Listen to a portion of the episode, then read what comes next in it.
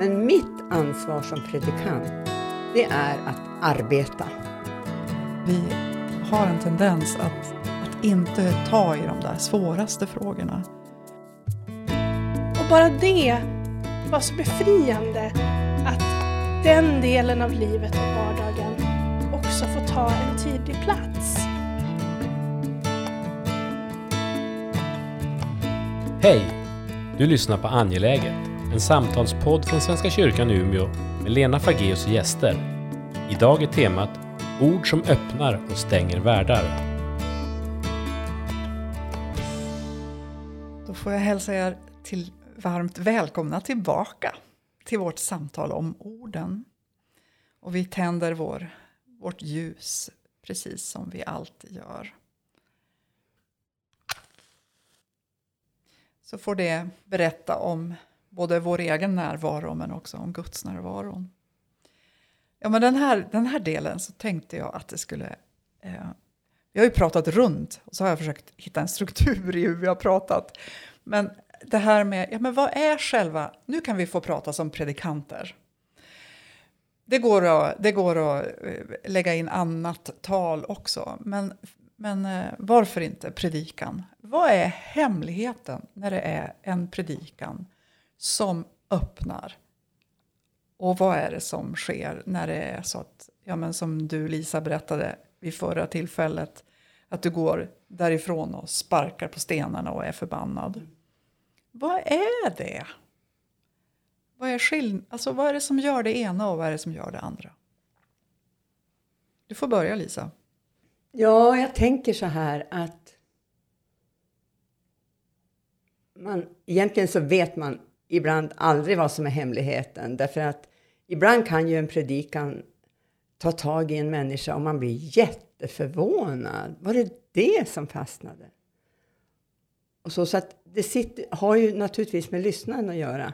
Men mitt ansvar som predikant, det är att arbeta. Eh, det är att räkna med Guds heliga ande och att arbeta hårt. För det här är min uppgift att predika och att utlägga ett ord så att det, det landar i denna tid och förhoppningsvis hos de människor som lyssnar. Och jag tänker att en bit är det här med att det jag säger, det måste gå, ha gått genom mig på något sätt. En bibeltext, en berättelse, en saltarsalm eller vad det är. Den måste ha malt och funderats och gått igenom mig innan jag eh, kan ge den vidare. Vad menar du när du säger gått genom mig? Ja, det handlar inte om att det ska handla om mitt privata liv eller mina privata berättelser, utan det handlar om att, alltså jag tänker rent konkret så här. Eh, jag måste läsa texten, jag måste jobba med den, jag måste fundera på hur den här tar tag i mig. Sen måste jag hitta några vägar, någon berättelse, någon anknytningspunkt som gör att det här kan bli allmängiltigt också. Eh, alltså egentligen när jag säger gå genom mig så handlar det om väldigt mycket att jobba hårt. Alltså ibland kan jag tänka att, att en... Alltså jag tycker det är ganska jobbigt att skriva predikningar. Jag, eh, alltså jag älskar att predika. Eh, eller kanske att ha predikat. Men processen fram till predikan, den är ju en knölig väg som, som jag vill gå. Men jag tänker så här att det handlar om att ta sig tid. Det handlar om att läsa texten. Det handlar om att läsa texten igen. Det handlar om att kanske läsa bibelkommentarer, vad andra har skrivit. Det handlar om att fundera på, finns det något i den här texten i nutiden? Det du, när du att, säger texten, då menar du bibeltexten? Då menar jag bibeltexten. Mm. Det handlar om att sitta och, och skriva och spåna. Um, och för mig är det ofta så att alltså jag börjar på måndagen, jag läser texten, jag håller på måndag, tisdag. Sen får det vila kanske onsdag, torsdag. Sen tar jag rejält med tid på fredagen då jag sitter och spånar. Och ibland så hittar jag en tråd på fredagen ibland hittar jag inte alls någon tråd på fredagen. Och så gör jag kanske annat på lördag, sitter och jobbar lite grann. Och så stiger jag upp klockan fem på söndag morgon och sätter mig och skriver. Och då känner jag mig alltid lugn. Ja, men det kommer att bli en predikan, det vet jag. Eh, men, men det är som en, någon sorts process. Ibland kan jag tycka att det är lite som en graviditet också. Att det, det behöver sin tid och sen blir det något. Alltså det är lite anspråksfullt och kanske lite mysko det här när jag säger att det ska gå genom mig. Men det handlar om att, att jobba och att leta ord och att leta anknytningspunkter och krokar. Och ibland också att sitta och fundera på några människor som jag tror kommer till gudstjänsten. Men sen hoppas jag ju att det kommer sådana som jag inte alls väntar mig också. Känner du igen någonting av det där Lina? Mm. Um, jag tänker att vi har ju alla olika processer. Um, det, det, ser olika ut för oss som predikar, hur vi förbereder oss och sådär. Um, men just det här att det ska gå genom mig. För mig handlar det också om att när jag läser en bibeltext, att våga och ibland faktiskt ta mod till mig. För ibland känner jag att jag måste det. Jag måste medvetet sätta mig ner och säga Lina, nu skärper du dig eh, och låter den här bibeltexten skava precis som den gör i dig eh, och låter det ta plats. För vissa bibeltexter är jättejobbiga. Eh, de befinner sig i en helt annan kontext. Eh, jag tänker på till exempel när Jesus helar människor eh, som har olika funktionsnedsättningar. Eh, eller driver ut demoner. Eller det är en annan kontext och det är ett annat språk som vi inte använder oss av idag. Och då kan min första reaktion vara att jag, jag hoppar över den delen och så pratar jag om någonting lite enklare. Eh, som kärlek till exempel. Ehm, men, men när du säger att göra jobbet, Lisa, då tänker jag precis på att det är mitt ansvar att göra jobbet. Eh, att stanna kvar i skavet, att grotta. Och jag älskar ju det här med, med bibelkommentarer och, och att samla som en skattjakt nästan. Eh, och, att, och att vara väldigt, jag är ju väldigt nördig. Så jag tycker om det här med grundtexter och kontext och bibelkommentarer och, och sådär. Och sen i min process så gör jag allt det där och det tar olika lång tid. Um, och sen så utan undantag så är det så för mig att jag jobbar och jobbar och jobbar och jobbar som en galning eh, och det tar inte ihop. Eh, och sen vid en viss punkt då lämnar jag min predikan och så går jag ut på en promenad. Och utan undantag så är det när jag kommer ut i, i den här världen som jag lever i som bitarna på något vis faller på plats. Hur de sitter ihop och hur de sitter ihop i mig. Um, hur de här trådarna som vi pratade om förra gången går mellan mig och bibeltexten och andra människor. Då får jag någon slags bild av det. Och sen kan det ta ihop. Uh, men jag, jag, skulle aldrig kunna skriva en bra predikan uh, utan att lämna mitt rum. Så ser min process ut. Mm. Nej, det går ju inte. Det är, man måste ju... Jag känner igen det. Alltså man måste ju komma till hopplöshetens punkt. Eller jag gör det i alla fall. Eh, och så lämna alltihop och tänka det här blir ingenting. Och samtidigt, tack och lov, så vet jag någon, an, med någon annan del av mig, jo men något blir det. Och, ja, men det är ju naturligtvis också så att om jag hamnar i en situation där jag har en halvtimme på mig att förbereda en Då gör predikan. du det. Mm. Då gör jag det. Mm. Därför att hela mitt liv är ju en predikoförberedelse. Eh, och, och, när jag står inför det där, vilket ju tack och lov är väldigt sällan, men det kan ju uppstå en kris. Både att en kollega har fått magsjuka eller att det har hänt någonting i omvärlden som gör att nu måste jag säga någonting helt annat än vad jag hade tänkt. Och jag har en halvtimme på mig eller en timme. Och då måste jag säga det. Därför att predikoförberedelsen pågår ju hela tiden. Och då hinner jag inte läsa någon grundtext på grekiska eller så som jag annars alltid gör. Och, och titta i bibelkommentarer, utan då är det bara att säga det. Men det ska ju kunna vara genuint då också. Därför att jag har ju haft ett helt liv på mig att förbereda. Det är, men det är lustigt det, när ni beskriver det där med våndan. Jag tycker att det är plågsamt det där. Och när Men- folk tror men- att det blir lättare med åren så är det ju helt fel. Ja, men det enda som blir lättare är ju att man vet att det kommer. ja. ja. Eller, och så vet man också, ibland så, så vet man att det kanske inte blir så lysande. Men då har man någon slags nådefull hållning till sig själv. Jag tänker på en av mina gamla teologilärare från begynnelsen, Hans Johansson. Han, eh, han berättade en gång att han hade Eh, hittat sin, sina första predikningar i sitt, pastor var ju han då i, ehm, eh, i, i sitt liv som han hade skrivit. Och så kom han ihåg hur det var när han stod där och sa det där och hur folk efteråt var så glada och tacksamma och verkligen berörda av det han sa.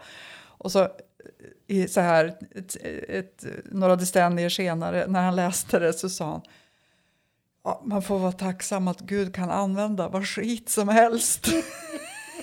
så det är ju också Ja, det ja. som vi vilar i på något sätt. Att, att eh, ja, men Gud rör vid orden och i den som lyssnar och i mig. Så att det ändå blir någon slags kontakt. Och det, det, det får man hoppas. Eller det kan man vara tacksam över att det är så det funkar också ibland. Men eh, härom veckan så hade jag ett sånt där ordmöte. Fast det var genom en sång. Ehm, där en av våra eh, musiker, eller musikpedagoger eh, i pastoratet sjöng den här Benny Anderssons eh, Du måste finnas. Mm. Var ni där och hörde det? Vi har lyssnat på den låten väldigt mycket på senaste Men tiden. alltså det var ju, ja. Ehm, och hon sjöng så jag, vi var, vi, det bara brast. Vi bara grät och grät. Eh, flera stycken eh, i den här samlingen. Och, eh, och så efteråt så ja, men, var vi ju flera som gick och fram och tackade och, och sa hur starkt det var, hur otroligt berörande det var. Och då sa hon, ja det här är verkligen min sång. Och jag tänker också att det är en sån där Mm. berättelse för, ja men visst man kan sjunga den där säkert, Helen Sjöholm kanske sjunger den ännu tjusigare. Marginellt, men, men man kan tänka det. Eh, men, eh, men med den inlevelsen som hon sjöng, det har jag aldrig hör, varit med om tidigare. Det var verkligen från hennes hjärta till mitt hjärta, rakt på, utan omvägar. Och det, och det var verkligen, hon hade gjort, det, de där orden var hennes. Och det tog så starkt.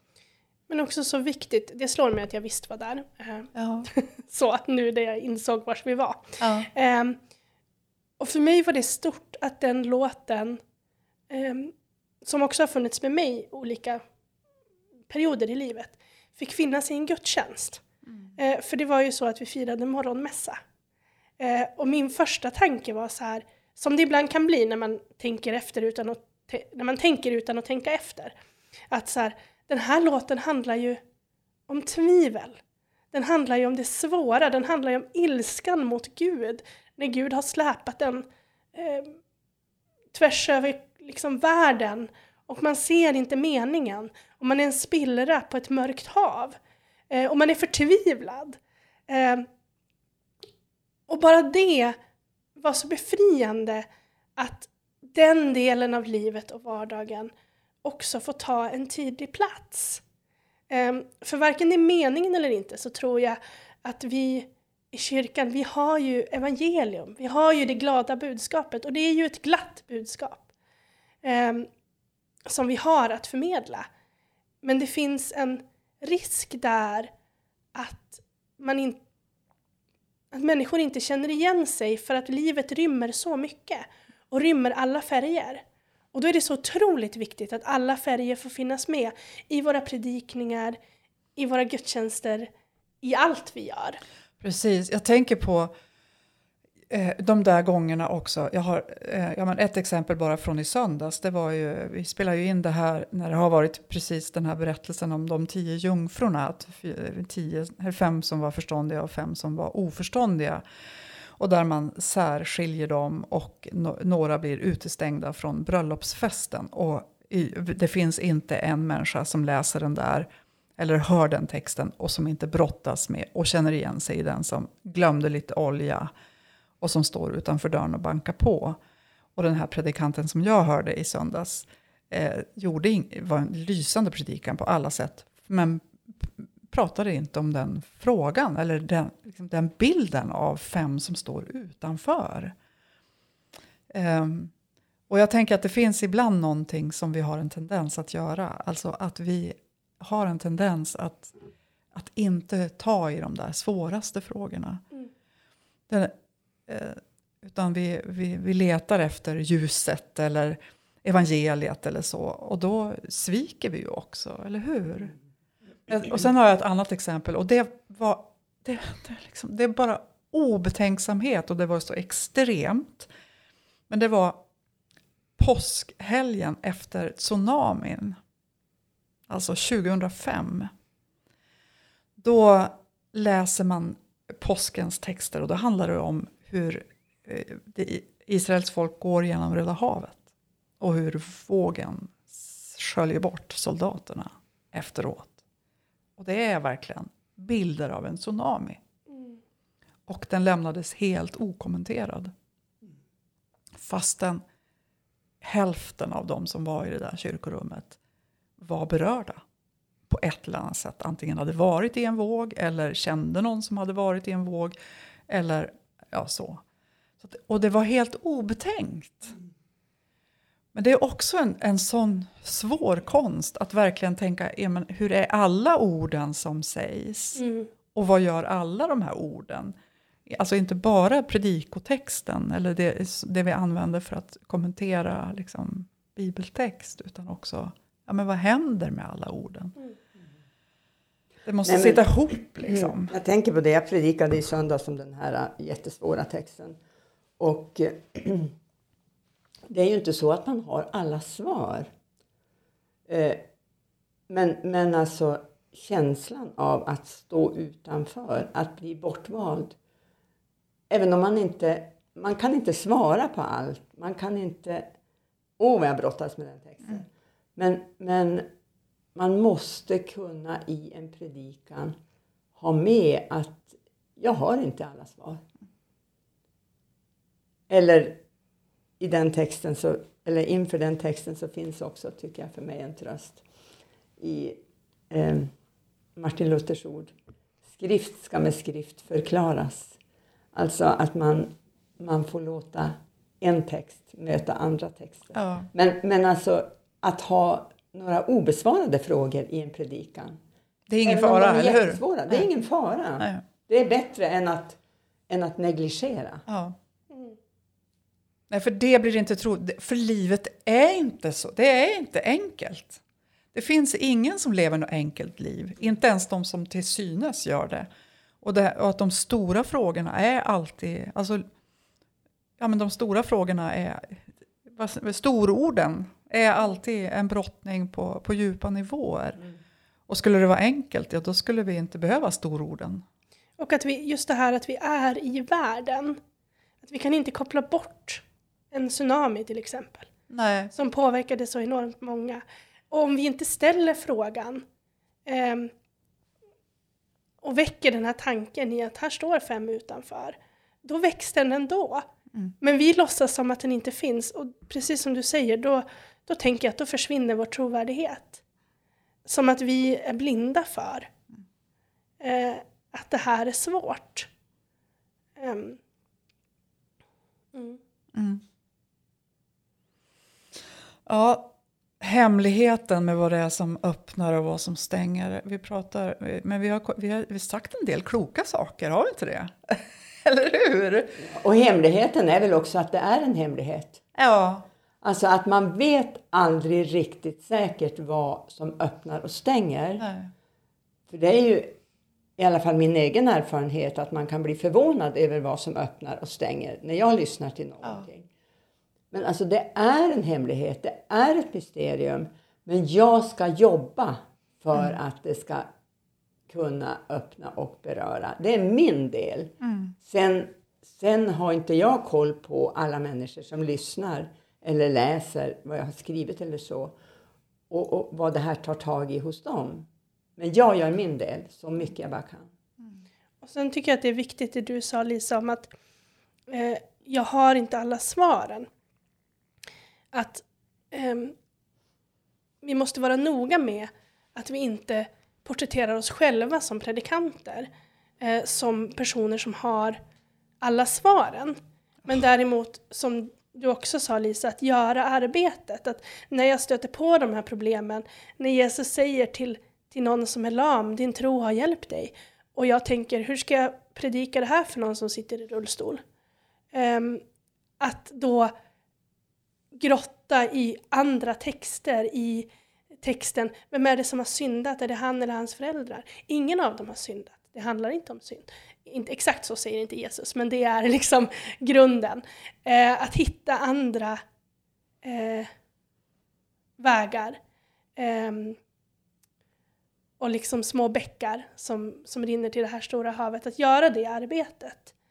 Ehm, att det är oerhört viktigt så att vi både är människor men vi är också vägledda av ande.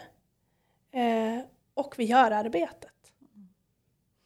Nu ska vi avrunda den här andra delen av vårt samtal. Och jag tänker, nu, jag, har, jag, är, jag är också lite nörd, det är väl kanske alla. Men jag har en nördsalm. Den här, jag älskar den här salmen. Nummer 599. Men jag ska inte läsa hela utan bara två verser.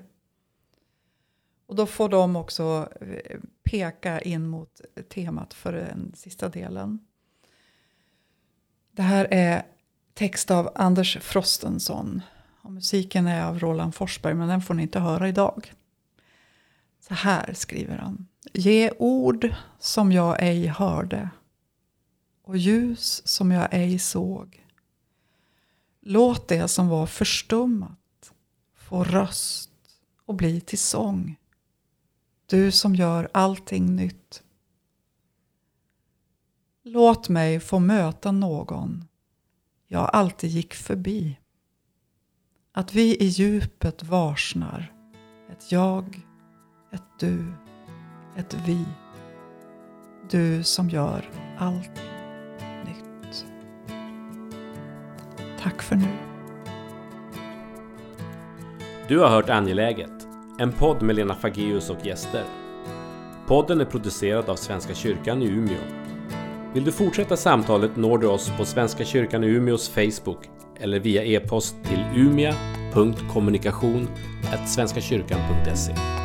Tack för att du lyssnade.